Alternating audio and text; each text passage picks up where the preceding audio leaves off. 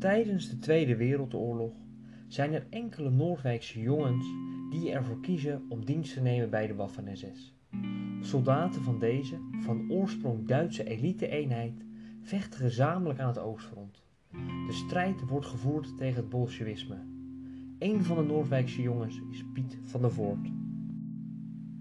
Petrus Aris van der Voort, roepnaam Piet, wordt op 21 maart 1923 in Leiden geboren als enige zoon van Christian van der Voort en Grietje Ham. Vader en moeder voeren de leiding over hun restaurant Victoria aan de Oude Zeeweg in Noordwijk. Moeder wordt in juli 1937 lid van de NSB. Een van de redenen daarvoor, zo geeft vader Christian in de naoorlogs verhoor aan, heeft te maken met een verslag van de broer van Grietje. De broer van Grietje doet dienst op het Nederlandse vlooteskader in Nederlands-Indië. De toestand aldaar is zeer slecht en het aantal zeilschepen onvoldoende om de taken uit te voeren. De NSB wil daar wat aan doen, vandaar dat Grietje lid wordt bij de beweging. Als de Noordwijkse geestelijkheid in 1937 de sacramenten bij Grietje weigert, zegt ze uiteindelijk haar lidmaatschap bij de NSB weer op. Tegen deze achtergrond gaat zoon Piet enkele jaren in Limburg op kostschool bij de Cisterciënsers. Hier komt de afkeer voor het bolsjewisme vandaan, een stroming waar Piet aan het oostfront tegen zou gaan strijden. Zo verklaart vader Christian: Ik verklaar dat mijn zoon naar de kostschool van de Pater Cisterciënsers te Pij geweest is. Bij hen is hij anticommunistisch opgevoed en hij is anticommunisme en geloofsovertuiging in dienst gegaan aan het oostfront om tegen de Russen te gaan vechten. Na zijn schooltijd gaat Piet als bediende bij de Rotterdamse Bankvereniging werken. Op 10 mei 1940, de Duitse inval in Nederland, krijgt Piet opdracht om zo snel mogelijk naar Leiden te gaan om al daar instructies te halen die een regelmatig bedrijf van de bijkantoren van de Rotterdamse Bankvereniging in Katwijk en Noordwijk noodzakelijk maken. Om doorgang tot de militaire versperringen te verkrijgen, wordt er voor Piet een document opgesteld. Het document wordt voor akkoord ondertekend door een officier van dienst, tweede luitenant Menne van het 4e regiment infanterie. De vader en moeder van Piet worden in de meidagen van 1940 opgepakt en vastgezet op verdenking van nationaal socialistisch gedachtegoed. Door de verdenkingen en de hechtenis raakt Grietje verbitterd en wordt ze in juni 1941 opnieuw lid van de NSB. Ze verklaart: Van politiek had ik niet het minste verstand, omdat ik het mooi vond dat alle mensen van welk geloof of stand in één partij gingen. Na de Duitse bezetting wordt op 15 oktober 1940 de Nederlandse Arbeidsdienst, de NAD, opgericht. Voortgekomen uit de Nederlandse opbouwdienst is het een vereniging om arbeid te verschaffen. In april 1941 treedt Piet toe tot de NAD. Vanuit zijn kamp Hooghalen in Drenthe schrijft hij meerdere brieven naar zijn ouders.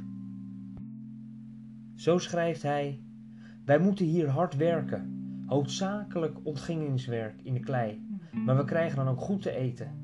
Verder krijgen we veel gymnastiek. Je wordt hier sterk lenig en bruin.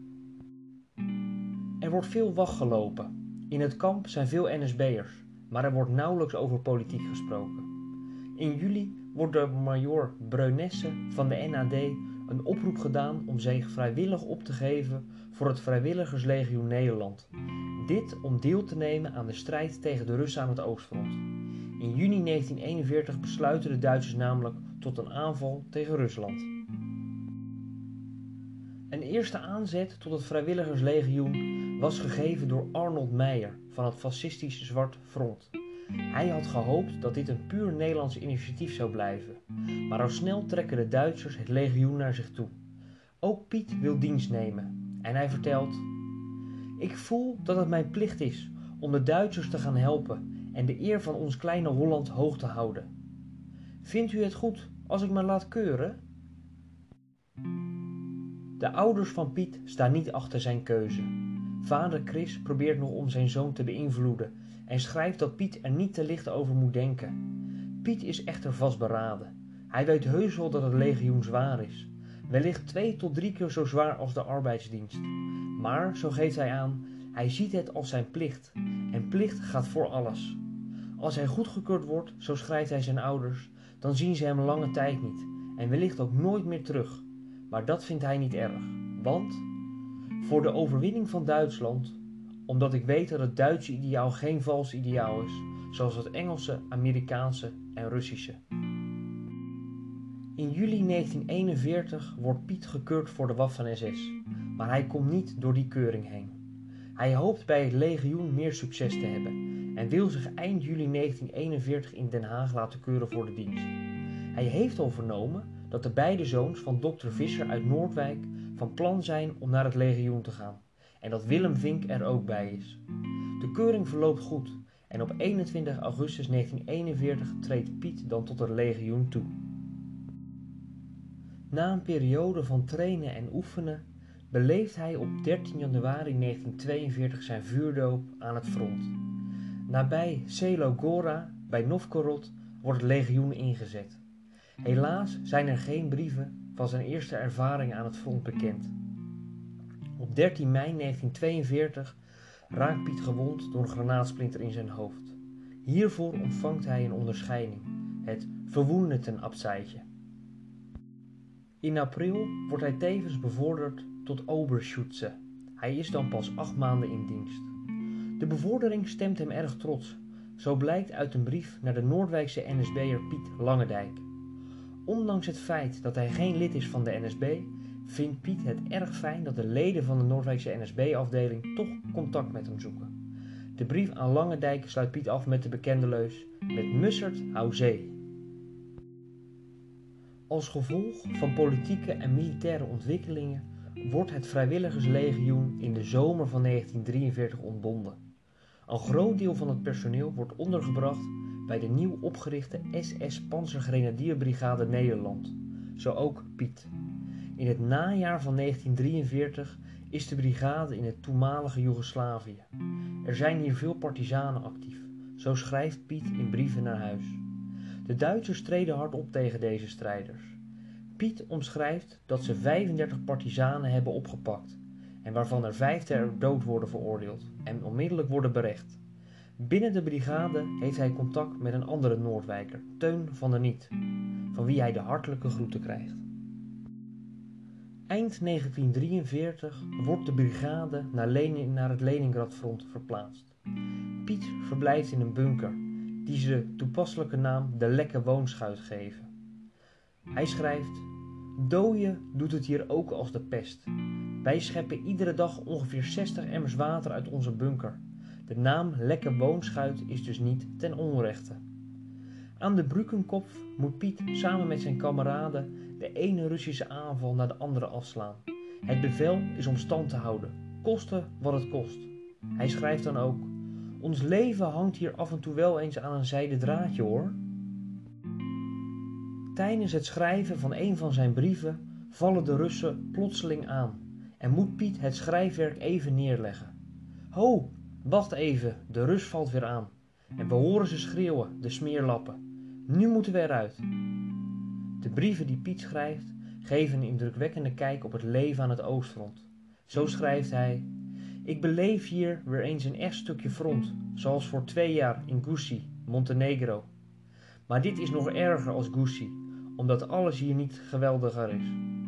Toen waren het alleen kleine wapens waarmee gevochten werd, geweren en machinegeweren, maar hier is het heel erg anders.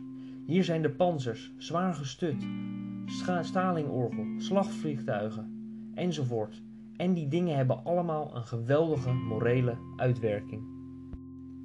En hij schrijft: Ja, zo is het leven van de infanterist in de voorste loopgraven. Drie weken hebben we ons niet gewassen en we lopen over van de luizen en het vuil. Ja, wat we hier beleefd hebben is met geen pen te beschrijven. Tienmaal erger dan Gucci. Als Piet op 25 april 1944 zwaar gewond raakt aan zijn rechterarm, wordt hij naar een Duitse lazaret gestuurd in Insterburg. Met twaalf mannen ligt hij op een grote kamer, alwaar ze goed verzorgd worden door de zusters van het Rode Kruis. De laatst bekende brieven van Piet komen uit juni 1944. De invasie in Normandië op 6 juni 1944 wordt ook daar door de soldaten op de voet gevolgd. Schrijft: Sedert gisteren is de invasie aan de gang en we zitten hier allemaal in de grootste spanning. Eén ding was een pak van mijn hart: dat het in Frankrijk is begonnen en niet in Holland. We hebben door onze radio op de Kamer de eerste berichten gehoord en die waren niet slecht. Maar je kunt er nog weinig van zeggen op het ogenblik. De eerste dagen zijn altijd erg onzeker. Ik ben wel van de overtuiging dat het er nu om gaat. Duitsland heeft nu drie fronten: Rusland, Italië en Frankrijk. En dat is heel erg. En ook die invasie zal Duitsland niet kapot krijgen, zowel moralisch als niet op het slagveld. Zijn laatste brief is van 23 februari 1945. Volgens Anton Buitenhuis uit Den Haag, die dienst deed als postmeester van de Waffen-SS, was Piet met zijn peloton opgerukt tot Frankfurt aan de Oder. In de brief schrijft Piet dat hij enkele dagen in Russisch krijgsgevangenkamp is geweest, maar dat hij kon ontsnappen naar de Duitse linies. Wat er daarna met Piet is gebeurd is helaas niet bekend. Op 1 maart 1945 wordt Piet als vermist opgegeven, tot groot verdriet van zijn vader en moeder, die tot aan hun overlijden in 1980 en 1998 geen idee hebben gehad wat er met hun zoon gebeurd is. Piet is dan nog maar 21 jaar jong, maar al wel drager van het IJzerkruis eerste en tweede klasse, het verwoenden ten Abzeichen Gold, het Kriegsverdienstkreuz met Zwerten en de Winterslacht in Osten medaille. Een zeer hoog onderscheiden jonge man die nooit meer naar Noordwijk zou terugkeren. De brieven van Piet zijn niet alleen voor de familie, maar ook voor een historicus van buitengewoon belang. Ze beschrijven het verhaal van een Nederlandse jongen aan het front. Hierin komt ook het contact naar voren die de lokale NSB'ers hebben met de jongens aan het oostfront.